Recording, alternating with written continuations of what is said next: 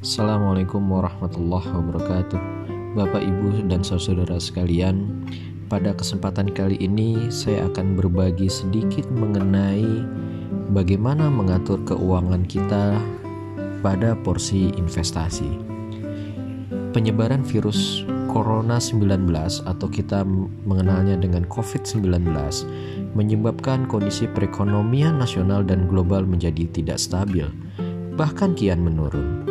Ini tentu akan berdampak pada sejumlah bisnis di Indonesia dan juga dunia, tak terkecuali pada kegiatan investasi, jika situasi saat ini akan semakin memburuk.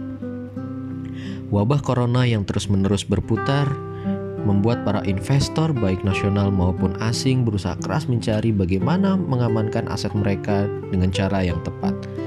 Tidak jarang investor juga mulai mengubah strategi investasi mereka pada saat ini agar selamat dari kerugian. Berdasarkan data Bursa Efek Indonesia, pada tengah April tahun ini, indeks harga saham gabungan atau IHSG menurun sampai dengan 26,44 persen, dengan catatan net sales atau jual bersih asing sebesar 15,01 triliun di pasar reguler. Tentu saja dampaknya langsung dirasakan pada investasi di beberapa sektor, mulai dari perhotelan, manufaktur, hingga komoditas perkebunan dan juga tambang. Lalu sebenarnya, apakah masih ada investasi yang aman dilakukan saat corona seperti ini? Tentu saja masih ada beberapa jenis investasi yang dapat kita lakukan secara aman dengan nilai juga yang tidak terlalu besar sesuai dengan uang yang kita miliki. Pada kali ini saya akan coba sedikit menjelaskan dua jenis investasi yang berdasarkan masanya, yaitu investasi jangka pendek dan juga investasi jangka panjang yang dapat kita lakukan pada masa COVID-19. Untuk investasi jangka pendek, setidaknya ada empat jenis investasi yang dapat kita pilih. Yang pertama itu adalah surat hutang negara. Surat hutang negara atau kita kenal dengan SUN itu merupakan instrumen investasi yang diterbitkan oleh pemerintah kepada warga negara Indonesia dan juga asing.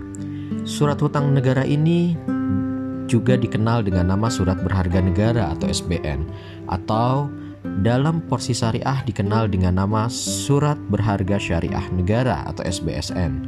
Di saat pandemi seperti ini, SBN atau SBSN merupakan jenis investasi yang tepat dipilih, mengingat investasi ini cukup aman karena dijamin oleh negara, sehingga kita tidak perlu khawatir mengalami kerugian seperti duit hilang atau gagal bayar. Terdapat beberapa jenis uh, surat berharga negara atau surat berharga syariah negara yang dapat kita beli dengan modal yang ringan, yaitu dimulai dari 1 juta rupiah seperti Saving Bond Retail atau SBR, Obligasi Retail Indonesia atau ORI, dan juga SR atau Sukuk Retail. Ketiga jenis itu biasanya dimulai dengan investasi yang cukup kecil yaitu 1 juta rupiah. Tentu dengan tingkat bagi hasil atau kupon obligasi yang menggiurkan. Seperti saving bond retail misalkan sebesar 7 days repo plus 2,5 persen. Kalau 7 days repo sekarang adalah 4,5, berarti tingkat kupon SBR itu dapat mencapai lebih kurang 7 persen. Sifat investasi ini sama seperti tabungan yang tidak dapat diperdagangkan di pasar sekunder. Tapi saat ini kita bisa membelinya dengan sangat mudah. Terdapat beberapa bank yang juga sudah menjual SBN maupun SBSN ataupun juga kita dapat membelinya secara online misalkan dengan melalui bareksa.com maupun sarana yang lainnya. Yang kedua yaitu investasi emas atau logam mulia.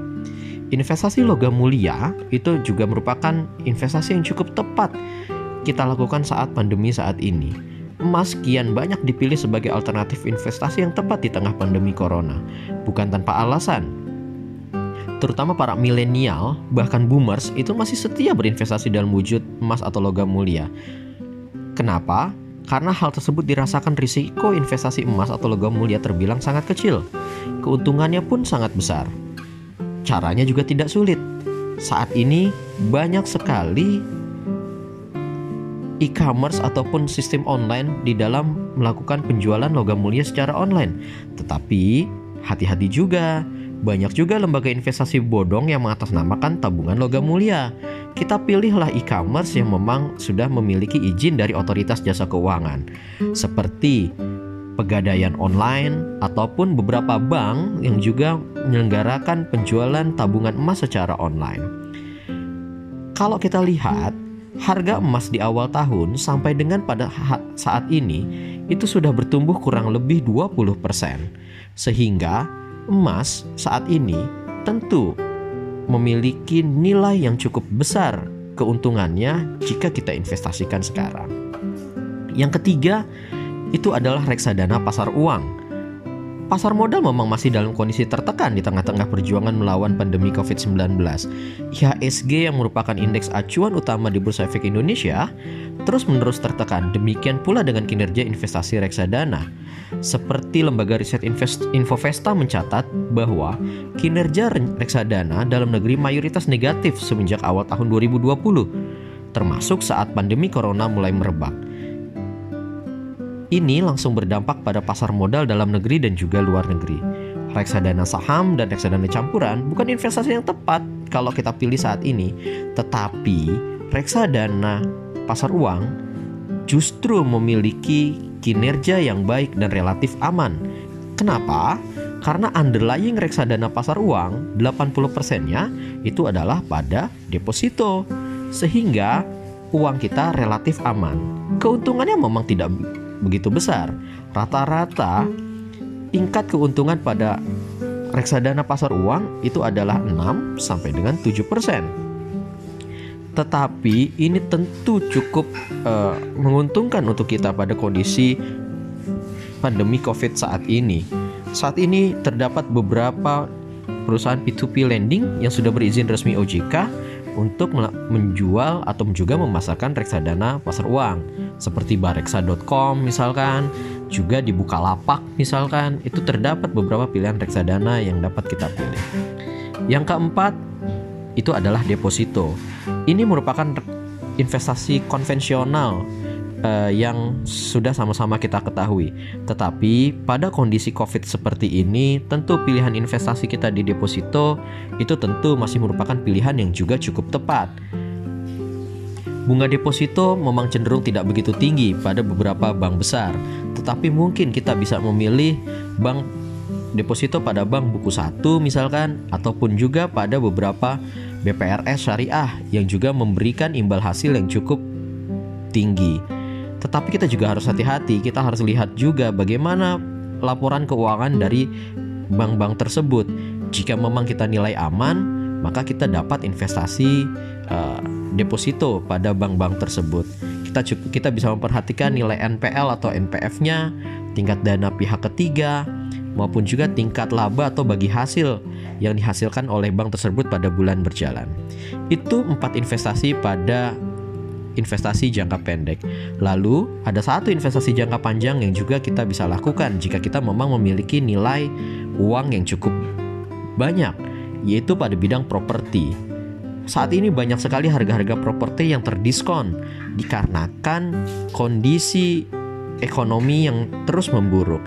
Tentu jika kita memiliki nilai lebih, ini pilihan yang cukup tepat.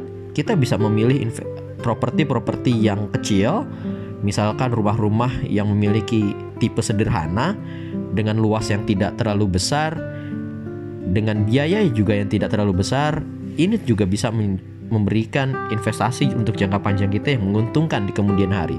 Tetapi memang investasi pada properti itu tidak liquid sehingga kita tidak bisa mengharapkan untuk jangka pendek investasi kita, tetapi ini merupakan simpanan yang dapat kita lakukan untuk di kemudian hari ketika COVID-19 uh, pandemi COVID-19 ini sudah selesai.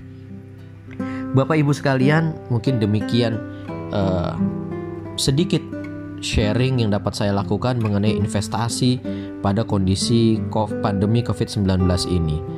Tentu ini juga merupakan simpanan kita ketika pandemi ini sudah berakhir di kemudian hari, kita akan membutuhkan juga dana yang sekiranya tidak sedikit, sehingga investasi yang kita lakukan saat ini juga dapat mengamankan kita pada di masa yang akan datang. Sekian, dan kita akan berjumpa kembali pada edisi-edisi yang akan datang mengenai rincian lebih jelas lagi pada masing-masing investasi. Terima kasih.